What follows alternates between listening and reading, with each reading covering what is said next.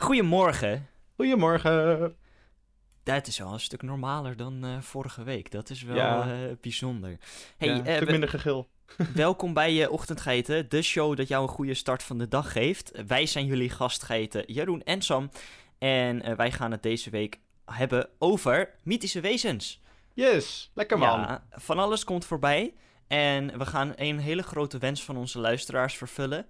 Ehm, maar net zoals dat er heel veel mysterie hangt rondom mythische wezens, gaan we nog niet vertellen over welke te gaan hebben. Dat ik je me een soort van Make-A-Wish Foundation nu. Ik vind dat wel Ja. fijn, deze eh, Ja. plek waar we onszelf ingezet hebben. Ja, ja, we vervullen wensen. En dat is Precies. altijd mooi. Altijd fijn. Fij- Fijne voorstelling. Fijne voorstelling. Ja, fijne voorstelling, mensen.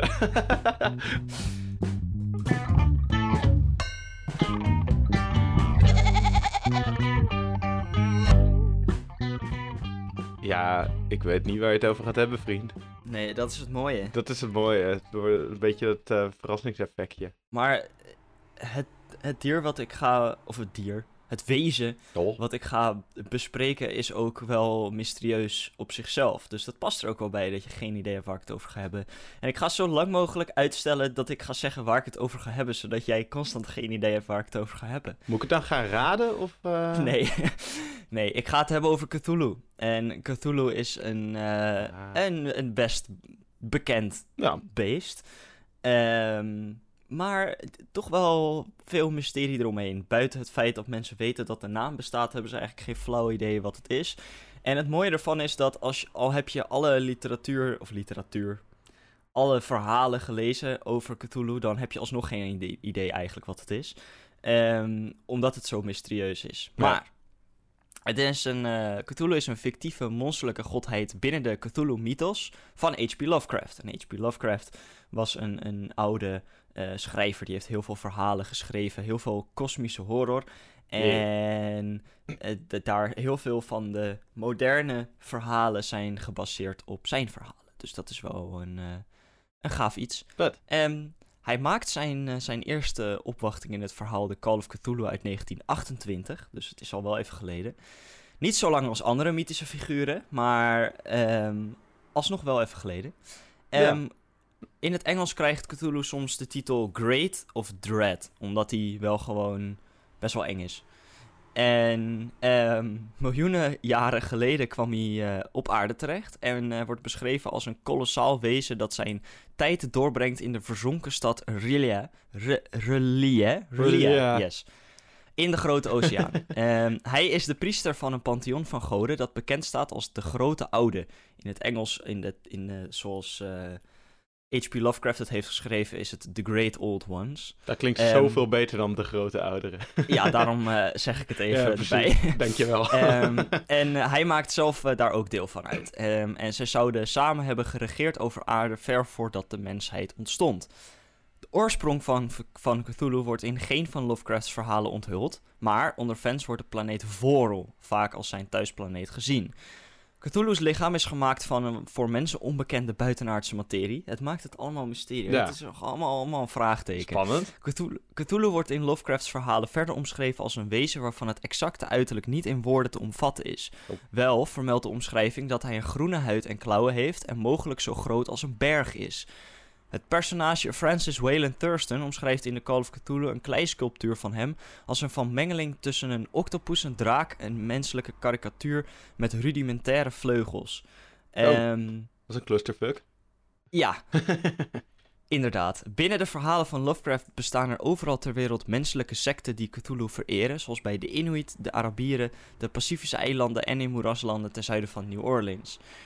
De afzonderlijke stammen kennen Cthulhu soms onder verschillende namen. Hun doel zou zijn om de grote oude, the Great Old Ones, te helpen bij hun ontwaking en terugkeer naar de aarde wanneer de sterren in de juiste positie staan.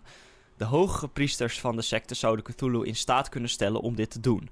Zijn aanbidders gebruiken doorgaans de spreuk, en nu komt het. Nu, dit wordt echt chaos, maar Ja. ik ga echt proberen om het uit te spreken. Funglui Mglwanaf Cthulhu Rlie Veganagi vertagen tijdens hun aanbidding. Nice. Wat, en het betekent... In his house at Rlie, dead Cthulhu waits dreaming. En Ik heb wel een vraagje daarover. Want hoe, hoe kan het Ja. zo dat er zoveel verschillende eh, zeg maar, sectes of, of groepen mensen zijn die het Mm. allemaal kennen? Want je zegt bijvoorbeeld Inuiten. En nou, dat het zijn... is niet echt zo. Oh, Het- die sectes die bestaan in de verhalen van, van Lovecraft. Oh, oké. Oké. Dus die hebben, die hebben niet echt bestaan. Ja, Nee. misschien zijn er, er zijn vast wel mensen op aarde die Cthulhu vereren. Ik bedoel, het is de aardbol, maar, Ja, en het zijn mensen. precies. Maar eh, eh, eh, in het echt, die, die sectes waar ik het over had specifiek, die komen alleen voor in de verhalen van Lovecraft. Duidelijk. Ehm, ja. En die, het is een beetje het geval met, ehm, ik vergelijk het vaak met tussen aanhalingstekens dode religies. Mhm. Ehm, het is iets wat in principe niet meer bestaat, tenzij er ineens mensen komen die het gaan vereren en dan bestaat het weer. Ja, precies. En omdat het iets is wat voor de mensen heeft bestaan en er nu eigenlijk niet meer is, het is er wel, maar eigenlijk niet. Ja. Ehm, omdat ze in, ver in de zee een soort van Atlantis idee eh, eh, eh, daar aan het slapen zijn. Ehm, en het bijzondere van Cthulhu is, misschien heb je het al een, wel een beetje kunnen raden, maar op het moment, hij is nu aan het slapen, op het Mhm. moment dat hij weer wakker wordt, betekent dat eigenlijk het einde van de planeet. In ieder geval voor de mensen. Ja. Ehm, want er zijn een heleboel andere wezens, die, waar hij aan verwant aan is, die nog veel sterker zijn. En hij is de priester, op het moment dat hij wakker wordt gemaakt, dat kan dus eigenlijk op dit moment volgens de verhalen alleen door de mensen gedaan worden. Oké. Hij is verwant aan heel veel andere eh, wezens. En als hij wakker wordt gemaakt, is, maakt hij vervolgens de rest wakker. Dat is een beetje een sneeuwbaleffect. En, ehm, of het butterfly effect, hoe je het ook wil noemen. Ja. Maar de- alle andere wezens die hij wakker maakt, die gaan toch echt wel de mensheid vernietigen. En dat Oh, is, is, daar is echt niet, niet omheen te gaan. Eh Azathoth bijvoorbeeld is er één van. Yog-Sothoth is een andere. Ehm, en die, de, ja, dat is niet normaal. En er is, er is één wezen die is zo sterk en zo angstaanjagend...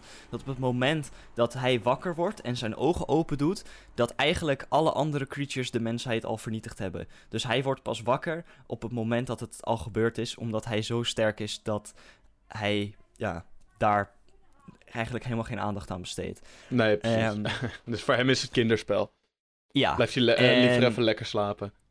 Ja, en er wordt ook heel veel gepraat over dat op het moment, dat is wel het laatste wat ik erover ga vertellen, maar wel iets wat je een beetje in mysterie zal zetten voor de rest van je leven, misschien als je er stil blijft sta- bij stil blijft staan.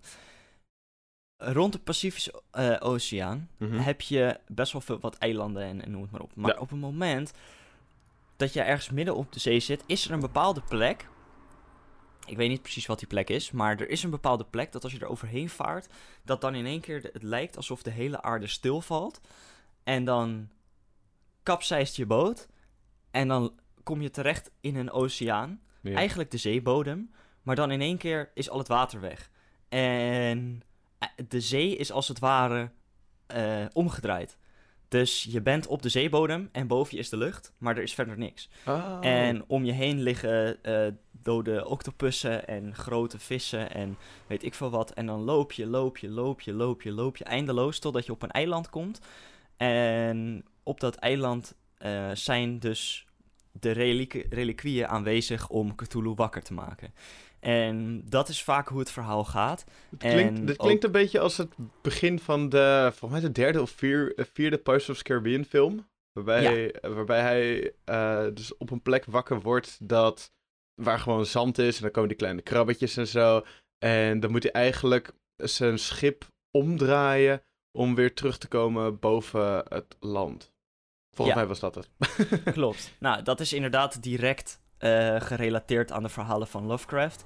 Oh, en ehm, dat is dus een van de voorbeelden waar ik het eerder over had. Dat je het terugziet in moderne literatuur Ja. en, en, en games en boeken. Ik heb wel wat voorbeelden. Ehm, Metallica heeft een nummer gemaakt, The Call of Cthulhu en Dream No More. Die gaan allebei over Cthulhu. Cradle of Filth heeft een nummer gemaakt, heet Cthulhu Dawn. Deadmau5 heeft een nummer gemaakt, die heet Cthulhu Sleeps. Ehm, dus je hebt best wel wat, wat nummers. Scribblenauts komt die in voor. Eh, South Park komt die in voor. Ehm, Black Ops 1, 2 en 3 van de Call of Duty eh, games komt die in voor. Ehm, Terraria komt die in voor. Smite komt hij in voor. Kaartspellen zoals Munchkin en Smash Up. Ja, precies. En eh, ja, heel veel verschillende dingen. Dus het, het is, er zijn heel veel plekken waar hij in terugkomt. Ja, heel veel gewoon een dingen. cultfiguur, ja. Ja, en het, het vreemde is ook dat als je echt ernaar gaat zoeken en je weet, bent je er bewust van, kom je het overal in tegen. Echt overal. En ehm, nou ja, bijvoorbeeld David Jones is ook een goed voorbeeld. Mhm. Zijn gezicht is direct eigenlijk het gezicht ook van Cthulhu. Ja. Dus het, ja, het, het is eh, een, een, een vreemde, vreemd iets. En eh, ik kan iedereen aanraden om, als je tenminste een beetje daar tegen kan, tegen de kosmische horror, eh, om, het, om de verhalen van Cthulhu te lezen. Want het, het is wel heel bijzonder en best wel gaaf. En het is een hele unieke manier van fantasy. Cool. En dat was Cthulhu.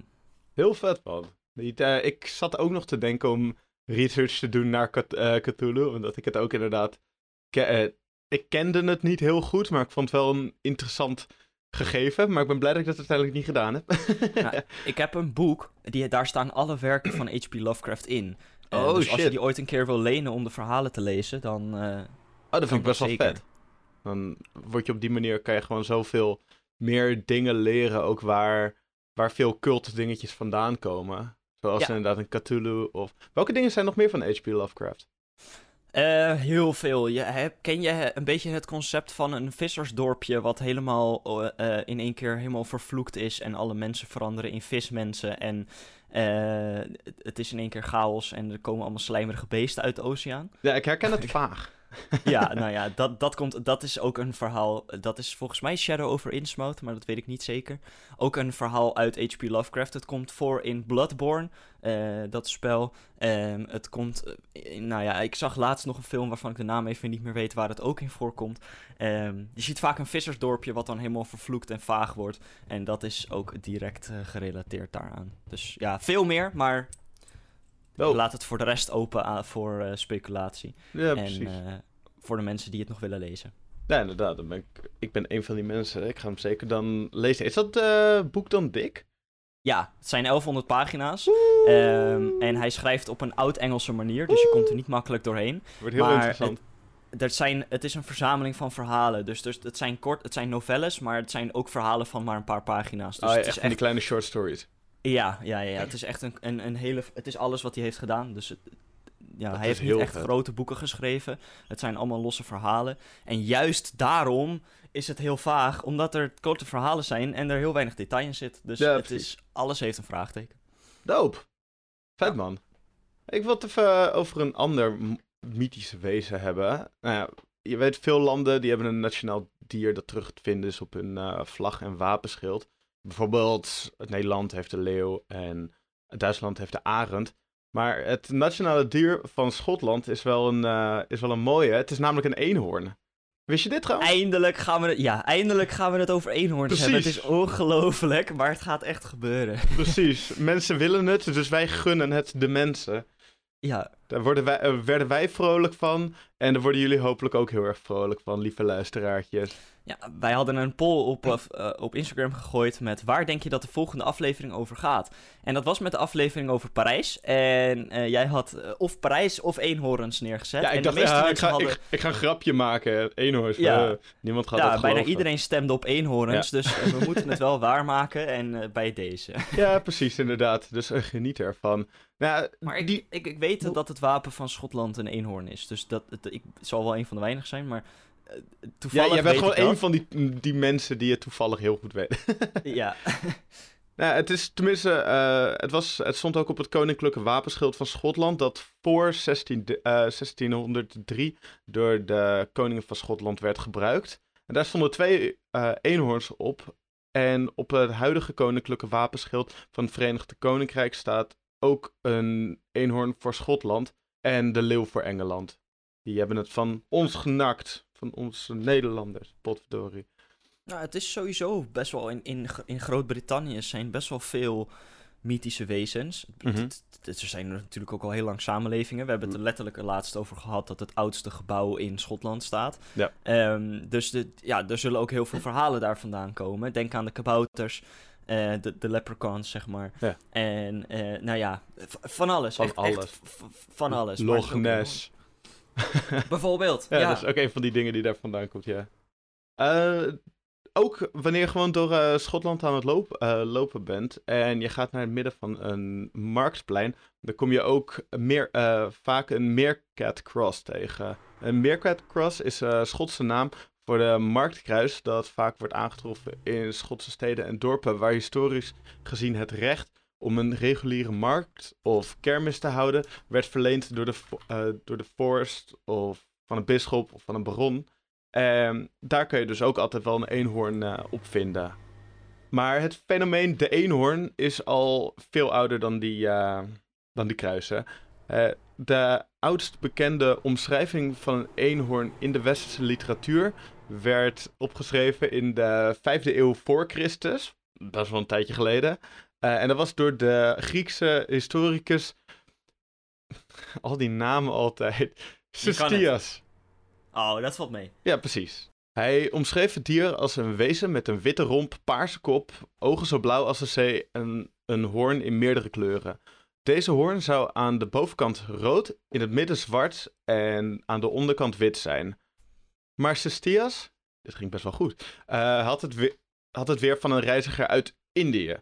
Eh, de oud-Indische mythe over de kluizenaar gazellenhoorn vertelt over Ekar Ekarenga.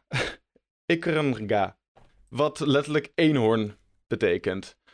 Dit is de zoon van de godin uh, in de gedaante van gazelle.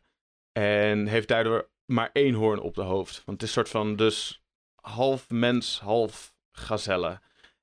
Hij werd door de aantrekkelijke hofdame naar het uh, paleis gebracht om een eind te maken aan de periode van droogte. Dus daar is het in die mythe is het ook echt een heel erg belangrijk persoon, want die eenhoorn die heeft er dus voor gezorgd dat de periode van droogte eindelijk ten einde kwam. Uh, maar wat ook interessant is, is dat Marco Polo heeft ooit gemeend ook een eenhoorn te zien. Volgens hem was de eenhoorn een lelijk en lomp wezen en leek er helemaal niet op hoe het dier normaliter omschreven werd. Uh, Sam, weet jij waarom dit zo, uh, wat hij misschien gezien heeft? Nee. hij, hij, hij kwam een neushoorn tegen. oh, ja. Wat wel een beetje die verklaring uh, ja, verklaart. fair enough. Want dat is iets heel anders dan de eenhoorns die inderdaad toen omschreven werden. Ik vind deze vind ik wel mooie dieren, though. Maar ja, ik, ik snap wel, als je denkt van, oh, ik ben... Ik zie een eenhoorn, dat is een majestical horse met een mooie lange punt op, uh, op zijn koppie. Dat je dan wel een beetje teleurgesteld bent als je een, uh, als je een neushoorn ziet. ja. Uh, zo, maar zo, die horens van de eenhoorns, die zijn wel veel geld waard. Op de hoogtepunt van, ja, van de, uh, de prijswaarde van de hoorns van een eenhoorn was een hoorn maar liefst tienmaal zijn gewicht waard in goud. Dus dat is best wel veel goud. In 1580 verkocht een Duitse handelaar een eenhoornhoorn voor het astro astronomische bedrag van 90.000 scubi. En dat is omgerekend zo een 20.500 euro. En dat werd verkocht aan de Roomse paus typisch iets dat voor was toen heel veel geld. Ja, dat is toen heel veel geld. Het is als nu nog wel uh, een leuk aantal geld. Uh, aantal geldje. En toen nu een mooi aantal bedrag. Jeetje, vandaag wordt echt weer zo'n heerlijke dag met woorden. Maar dat vinden we leuk. Daar houden we van. Helaas zijn er ook slachtoffers van deze uh, hoge waarden. Zoals je nu ook eigenlijk een beetje ziet met Ivor. Maar voor de, ho de hoorns van de eenhoorn was dat helaas de narwhal. En ja. ja. in de geschiedenis werd vaak gedacht dat de hoorn van de eenhoorn ook water kon zuiveren van gif. Dus toen werd er heel erg veel gejaagd op de narwhal-populatie, omdat ze dachten dat, dat dat eigenlijk ook een, ja, een eenhoornhoorn was. De hoorns van vele narwhals werden verwijderd en er werden ook heel veel nephoorns in de omloop gebracht. In Denemarken bestond er zelfs een narwhal, narwhalhoorntroon. Dus uh, dat is wel heel erg, ja, zielig voor die armen. Net als de, de, de, Iron Throne, maar dan van horens van narwhals. Ja, het is wel heel zielig. Ja.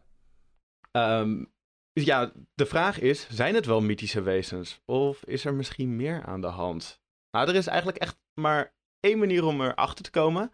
Je kan namelijk bij de Lake Superior State University in Michigan een licentie halen om ook echt op zoek te gaan naar een eenhoorn.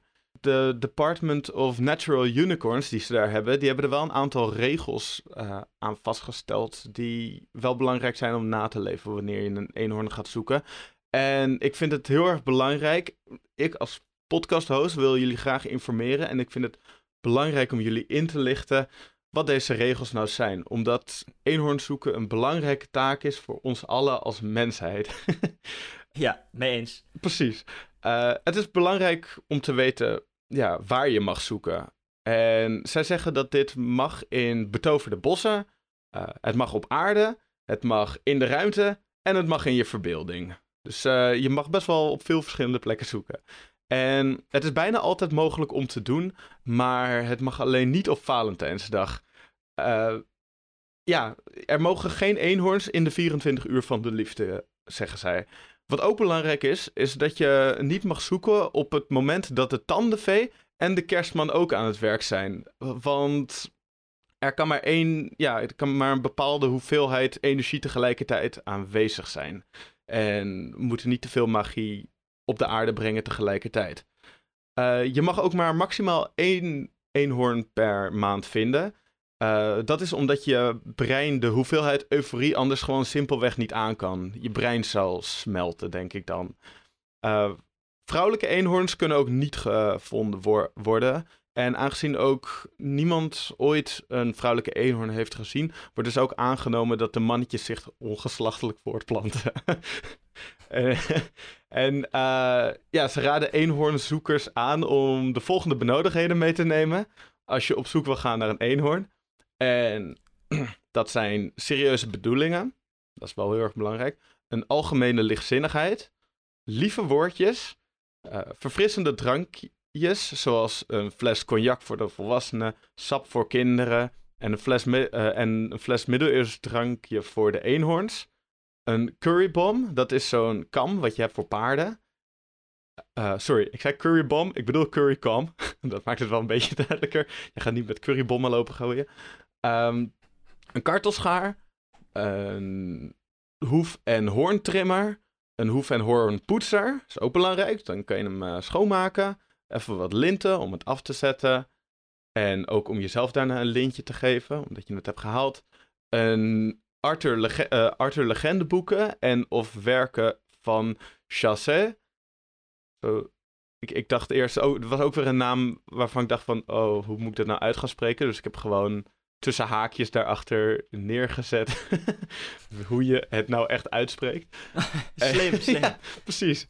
Uh, en daarnaast een, uh, para, uh, een pentameter, maar dat is optioneel. Er staat tussen alle notities die er staan, staat ook nog een notitie voor, voor volwassenen. En dat gaat over het lokken. het enige ja, legale lokmiddel voor de eenhoorns is een maagd. En ja, nou weet je dat ook. Het is trouwens niet dat dat uit het niks komt, want in de middeleeuwen, ja, je weet, in de middeleeuwen moest de wetenschap het afleggen tegen onlogische gedachtegangen. En in de middeleeuwse beestenboeken, waarin alle dieren en hun eigenschappen werden uitgelegd, werd ook de eenhoorn vermeld, natuurlijk. En volgens de omschrijving in deze boeken zou de maagd een grote macht hebben over deze wezens. Zeer interessant. Uh, als je zelf dieper wil duiken in hoe je een, uh, ja, een, een, licentie kan halen om een eenhoorn te zoeken, dan kun je lekker naar de website gaan van de Lake Superior State University van Michigan. Want daar uh, valt daar nog veel meer over te lezen. Wauw, wat bijzonder. Ja, dat is zeker bijzonder. En, uh, ik weet wel wat ik ga doen ja. uh, komende tijd. Ja, precies, precies. Maar als we, nog, als we nog een keerje in een uh, lockdown komen of iets dergelijks, dan ga ik mijn ja. tijd gewoon besteden aan het zoeken, van de eenhoorns. dat is heel mooi. Maar, als je zo'n grote zoektocht wil doen, Sam, wat zou je daar dan voor nodig hebben als goed beginnetje? Een lekker ontbijtje. Zeker, zeker, zeker. Een goed ontbijten is belangrijk, al helemaal als je eenhoorns gaat zoeken.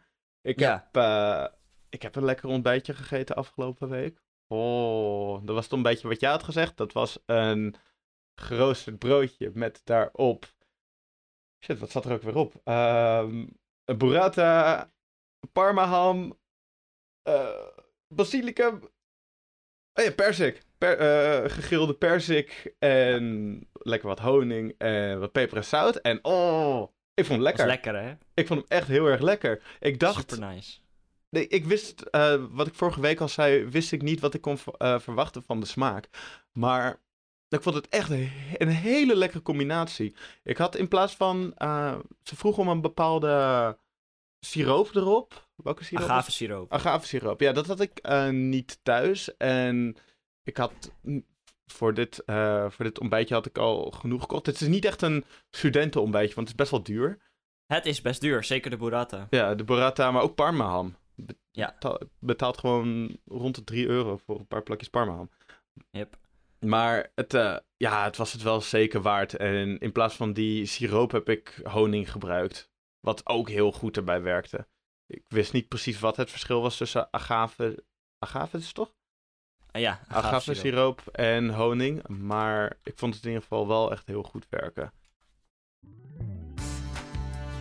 Agave siroop, ook bekend als maguey siroop of agave nectar, is een zoetstof die commercieel wordt geproduceerd uit verschillende soorten agave, waaronder agave teculana en agave salmiana. Eh, bevat fructose als suiker die zoetmakende eigenschappen heeft. Ah, oké. dus het is ook gewoon een zoete siroop. Gelukkig. Ja. Dat er niet ineens een soort van zure siroop eigenlijk op had gemoeten. Terwijl Nee, nee, het is vergelijkbaar met, met honing, maar het is, wel, het is wel echt anders, maar het is wel vergelijkbaar. Ja, ik had dus met ho- eh, honing erop, want dat hadden we ook thuis nog staan. En ik, eh, ja, ik vond het echt heel erg lekker. Dus eh, bedankt voor deze aanbeveling. Geen probleem. Ik kom nu weer met een aanbeveling. aanbeveling. aanbeveling naar jou, meneer Pannenkoek. Want eh, zo, je wordt door meerdere mensen toch eh pannenkoekenman genoemd of zo. Ja, iets in die richting, ja, klopt. Mr. Pancake en zo. Mr. wel- Pancake, ja. Komt wel eens voorbij. Meneer Pannenkoek.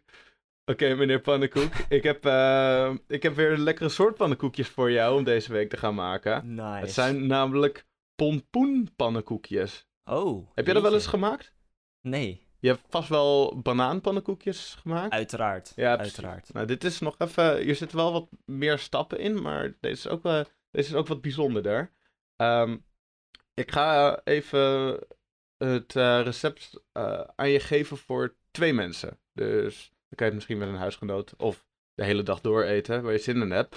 Eh, koop eh, 200, gra- eh, 200 gram koelverse pompoenstukjes. 1 middelgroot ei. 75 milliliter halfvolle melk. 100 gram zelfrijzend bakmeel. een kwart theelepel zout. Een half eetlepel kristalsuiker. Anderhalf eetlepel rozijnen. En 5, eh zo, 12,5 gram on, ongezouten roomboter. Lekker man.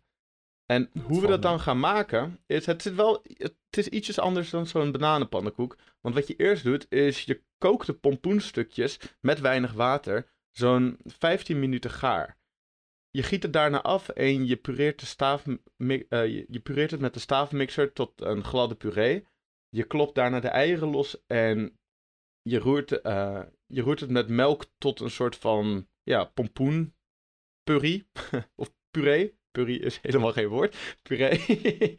en eh, daarna roer je het, roer je het zelfrijzend bakmeel, de zout, de suiker en de rozijnen door elkaar.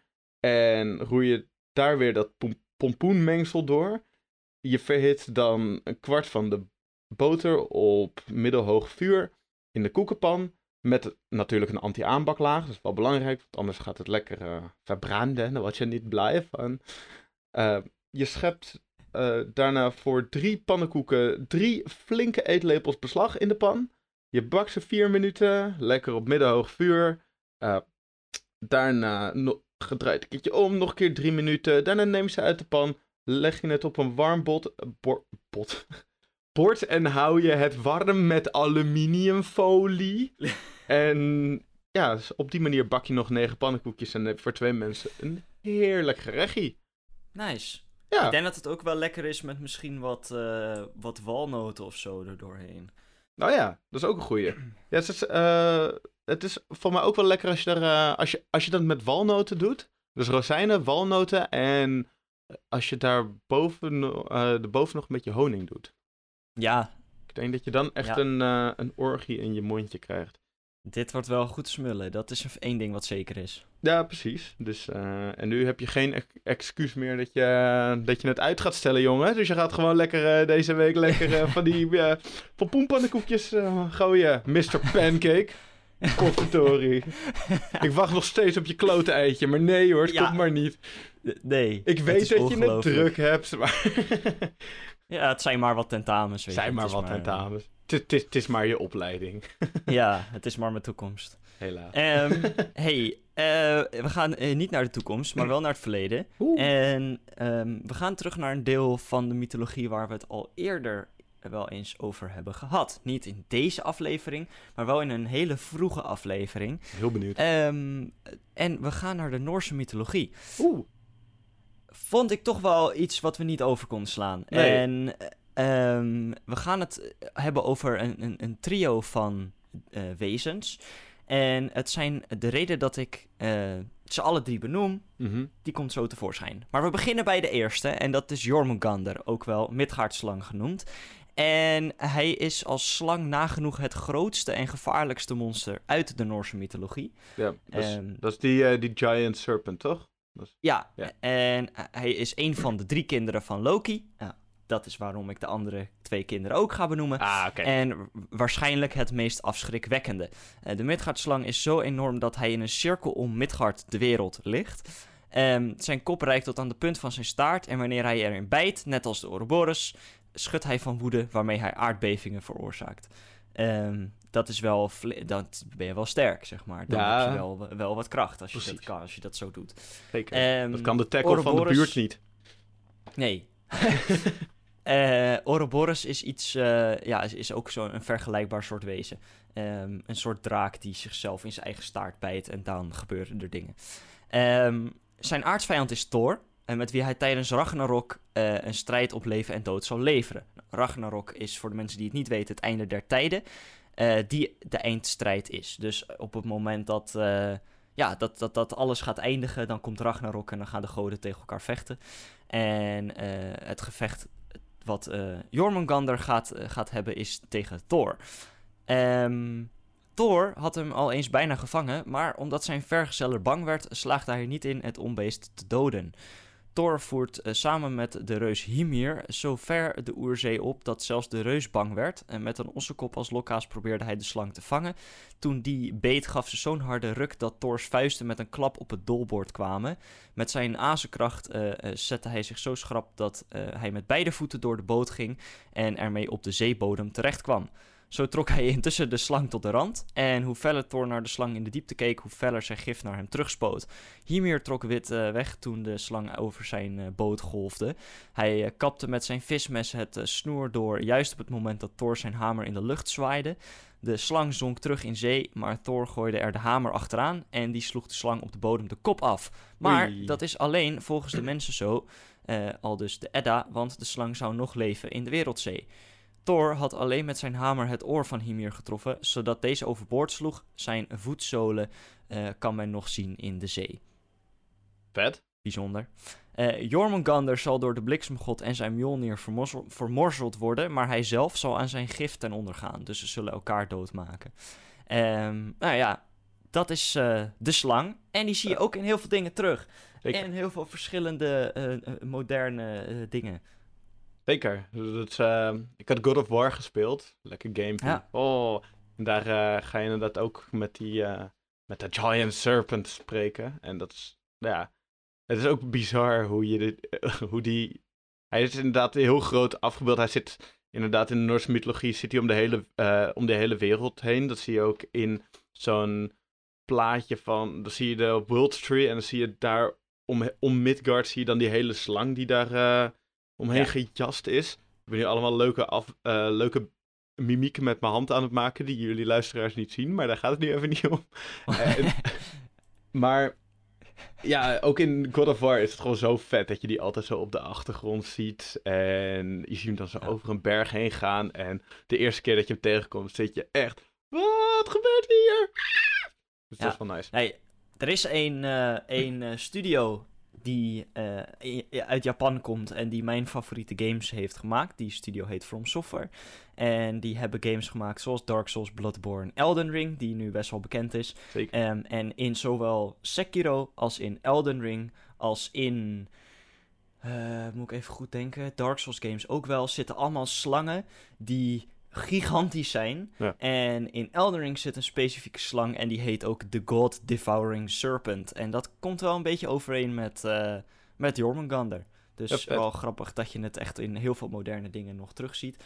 Ook al zijn die moderne dingen wel natuurlijk gebaseerd op oude mythen. Wel grappig. Ja, maar dat, dat vind ik ook het leuke aan heel veel, zeg maar, als je gewoon kijkt naar popcultuur en dat soort dingen. Er zijn zoveel dingen zonder dat je het weet eigenlijk gebaseerd op mythen. Heel veel, uh, ook in films en zo, uh, slechterikken die je tegenkomt in films of van bepaalde wezens waarvan je denkt van, oh, dit is gewoon uit iemands brein even gevloept. Maar dat is heel, vaak, komt het gewoon wel van, van een mythe of van een legende vandaan. vind ik altijd wel leuk en interessant om daar achter te komen. Ja, ja, het is altijd wel grappig dat het inderdaad uh, terug te traceren is. Yes. Um, Loki had ik het net al even over. Die heeft vijf kinderen. Maar, maar drie. Die zijn net drie. Daarvan, of? Ja, maar drie daarvan zijn samen met Angerboa. En dat zijn de drie waar ik het over heb. Ah, okay, Voor okay. de mensen die er meer over weten en verward zijn waarom ik zeg het zijn er drie. Okay, het zijn er vijf, maar drie met uh, Angerboa. En die uh, is dus onder andere Jormungandr, maar ook Fenrir. En Fenrir is wel wat bekender. Um, is een, uh, ja, de middelste zoon van Loki en uh, Angerboda, um, de broer van Hel. Um, en daar ga ik het zo meteen over hebben.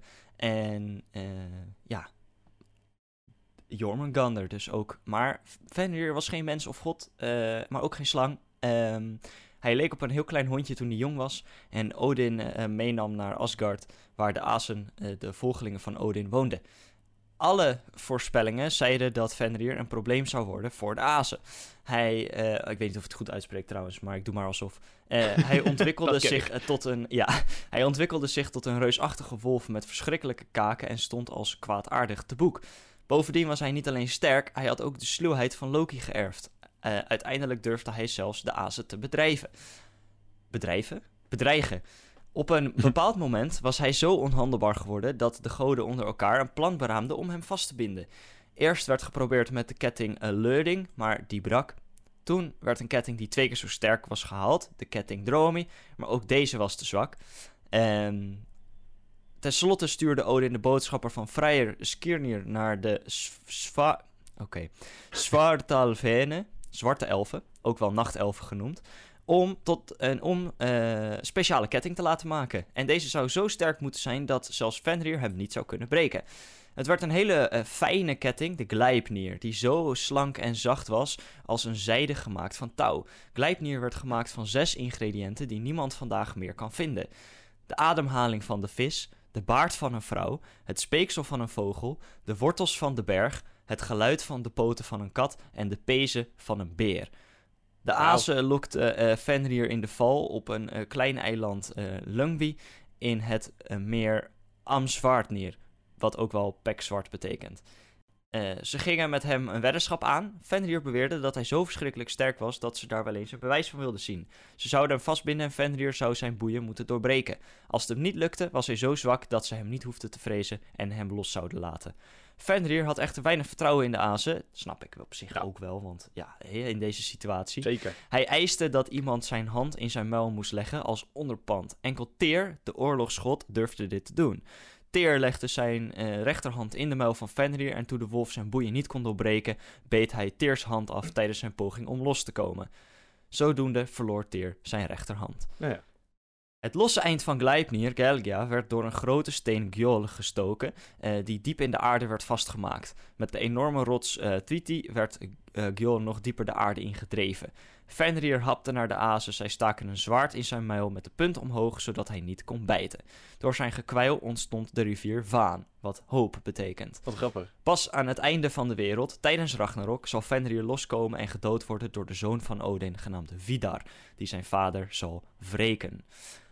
Um, ja, hier ja. heb ik wel wat interessants over te vertellen nog. Want dat touw, de Gleipnir, mm -hmm. um, dat zit in Lord of the Rings. Echt waar?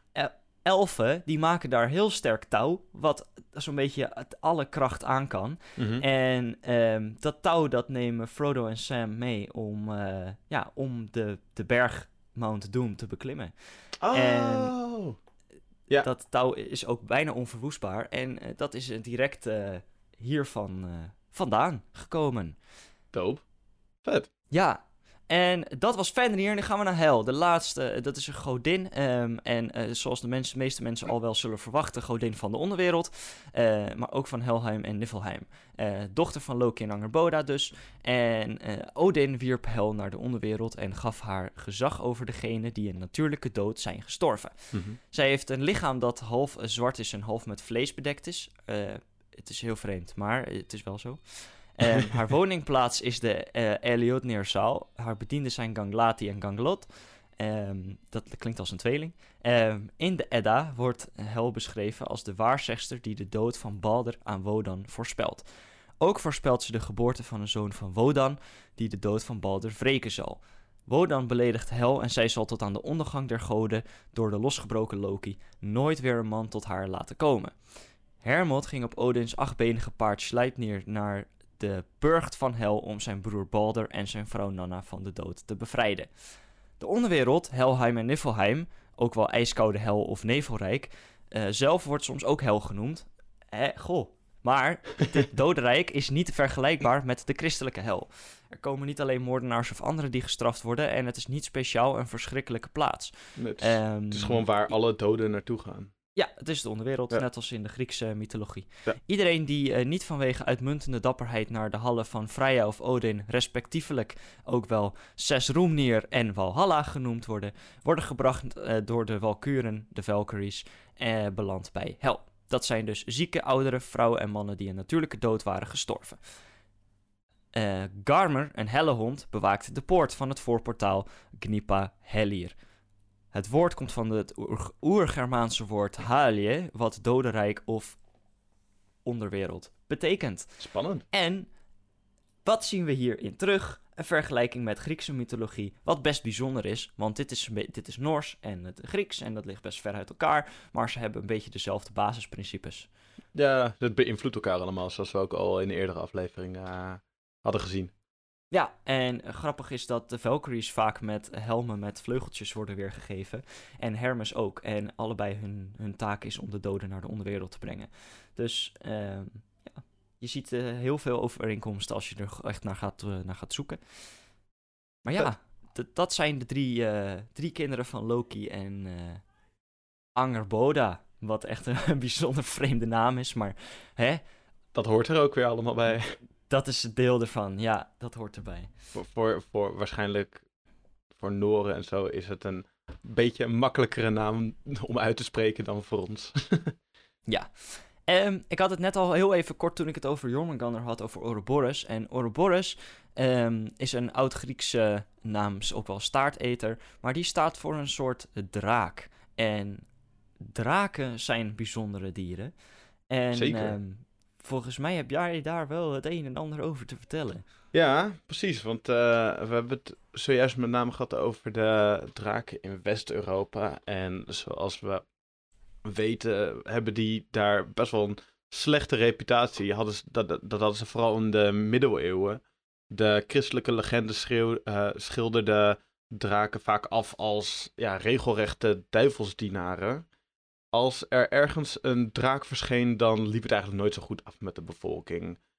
Met deze versies van draken zijn wij in films en series allemaal opgegroeid. Kijk naar een Game of Thrones of een Shrek. Dat zijn twee hele andere kanten van het spectrum. Maar het zijn wel goede voorbeelden ervan. Eh, en tenminste, daar werd ik mee opgegroeid. Ik denk de meeste mensen van ons, als je wat ouder bent, dan eh, ben je, heb je die films sowieso wel later in je leven gezien, in die series. En, zo niet, ga ze alsjeblieft kijken, want zowel Shrek als Game of Thrones zijn echt beide gewoon dingen die wel in je ass- assortiment van levens kijkgedrag. Weet ik niet hoe ik deze zin verder moet doen, maar die je wel ooit gezien moet hebben, tenminste.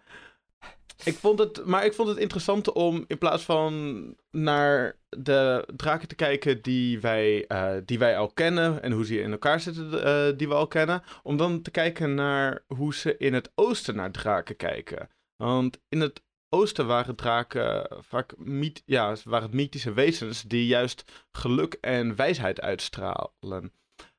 Samen met de eenhoorn, de phoenix, de schildpad en ja, de draak, dus die vier, die vormden samen de vier hemelse dieren. Het is leuk dat hier de eenhoorn ook weer in, uh, in terugkomt. Want zoals we eerder hadden gezegd, komt de eenhoorn dus ook uit, de, ja, uit Zuidoost-Azië. En dat die elkaar hier kruisen in hun paden, vind ik wel heel erg leuk.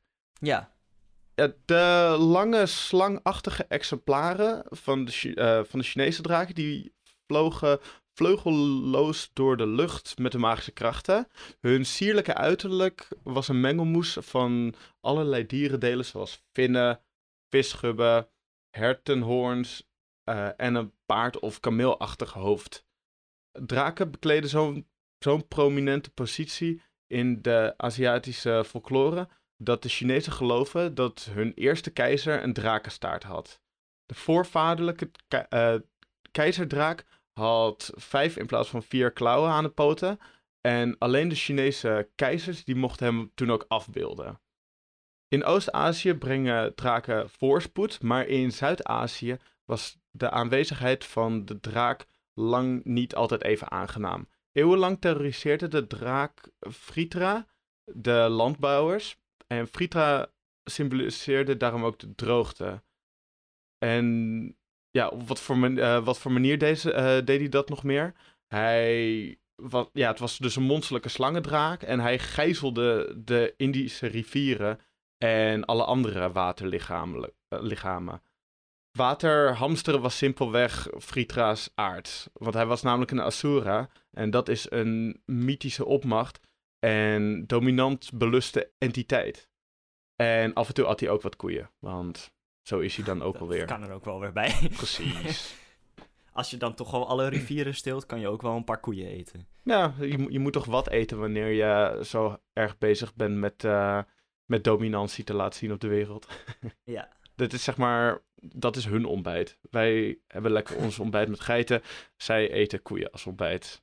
Om de dag goed te beginnen. De, de Japanners vonden hun draken inspiratie bij de Chinese en de Indische mythen. In de oude Japanse mythologie was, en dan komt weer zo'n leuk woord, Ryujin, ook wel bekend als Watatsumi, een machtige drakengod die over de oceanen en uh, alle bijbehorende vissen, kwallen en zeeschildpadden heerste. Vanuit Ryujujo uh, zijn, en dat is zijn rood-witte koralen onder, onderzeese paleis, beheerst hij het machtige beest, eigenlijk alles wat er met, de, met het water te maken heeft. Dus ook de, het eb en vloed zelfs, dat beheerst hij allemaal. En dus alle dieren die daar omheen leven. Ook de keizerlijke Japanse familie liep hoog op met draken. Ryunji, die een menselijke gedaante kon aannemen, was namelijk de vader van Otohime deze ravissante godin trouwde met Hori. En dat was een jagersprins. Een van hun uh, kleinkinderen heette Jimmu. En dat was de eerste keizer van Japan. Dus dat is ook wel mooi. In de Mekong. Ken je de Mekong? Ja. Ja, de Mekong dat is de rivier die van Zuid-China tot in Cambodja en Vietnam stroomt. Maar daar leven ook draken in. En dat zijn de Naga's. En de Naga's zijn wel daar zit wel een bijzonder verhaal achter. Want ieder jaar tijdens de laatste dagen van oktober stijgen ja, een beetje basketballen, grote vuurballen boven de Mekong-rivier tussen Laos en Thailand. En dit is, dit is echt zo. Het is best wel, het is best wel bizar en interessant. Uh, ja, vanuit de diepte van de, van, de, uh, van de grote rivier vieren de Naga's met hun bijzondere vorm van vuurwerk, het einde van de boeddhistische lente. Honderdduizenden mensen vieren dat ook met hun mee en dit wordt ook elk jaar heel erg druk bezocht. Dit klonk voor mij al direct als een soort van marketingtruc voor toeristen, van ballen die opstijgen uit het water. Maar er is echt, echt, uh, echt officiële onderzoek ook naar gedaan. En er wordt gedacht dat dit een chemische reactie uh, is. Ik weet niet meer precies welke chemische reactie dit is, maar het heeft iets te maken volgens mij met slik dat aan de bodem van de Mekong zit. En die komt er. Uh, en dat komt er soms, dat komt soms naar boven. En dat kan dan een bepaalde gloed geven. Maar dit is echt dus op verschillende plekken in, die, in de Mekong. komen er gewoon in de nacht vuurballen naar boven. Uh, Wat vreemd. Ja, dat is heel vreemd. En het is, het is ook nog steeds niet zeker waar dit precies van is.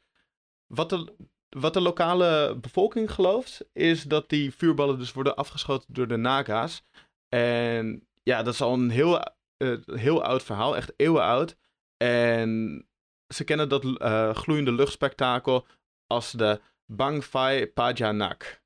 En dat is dus, uh, dat, zo wordt dat in de regio genoemd. Het is heel interessant om daar nog verder ja, zelf ook even naar te kijken. Uh, want het klinkt onzin, maar ik ben filmpjes daar, uh, daarna gaan kijken. En ja, je komt er wel echt achter hoe bizar dit fenomeen is. Want het is echt alleen daar. En het gebeurt dan op verschillende plekken in de Mekong. Maar het is gewoon niet precies duidelijk hoe dit, ja, hoe dit fenomeen kan gebeuren. Dus het is echt wel leuk om daar ook zelf nog wat dieper, ja, dieper in te gaan duiken. Ja, Nice. En in Thailand kom je deze draak ook veel tegen. Ze staan veel al aan de toegangswegen van tempels en andere spirituele locaties.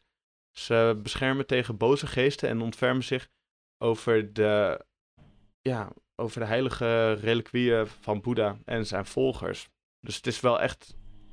Voor de Thaise cultuur is, zijn de nakas ook echt wel heel erg belangrijk ja, ik vond het heel interessant. Ik vond het ook heel leuk om te lezen hoe andere culturen naar bepaalde mythische wezens kijken. En in dit geval zijn dat dan draken. Maar er zijn zoveel dingen die een andere symboliek hebben in andere culturen. Dat, dat is heel erg interessant om naar te kijken. Weet je, we zijn met 7 miljard mensen. En die hebben allemaal een andere ja, perceptie op de wereld waar we in leven. En het is interessant om soms even goed te duiken in ja, hoe mensen aan de andere kant van de wereld ook een perceptie hebben over de wereld. En dat is ja, met mythische wezens waar we het vandaag over hebben gehad. Uh, dat is een perfecte voorbeeld ervan, want dus in elke cultuur is dat, hebben we andere mythische wezens. Ja, en die hebben ook allemaal een andere betekenis binnen een, een, een, maatschappij. En dat is ook wel, wel geniaal. Ik, ik, zie trouwens de Naga, ja, ik ken hem zelf van Dungeons and Dragons. Ook helemaal niet toevallig, maar uh, dat is wel zo. Um, maar er komt in echt ontzettend veel moderne cultuurdingen voor. En dat heeft ook grotendeels mee te maken dat heel veel. Um, nou ja, kijk bijvoorbeeld naar anime, maar ook heel veel games komen uit Azië. Ja. En is dus ook directe inspiratie geweest, want het zit in hun, hun cultuur.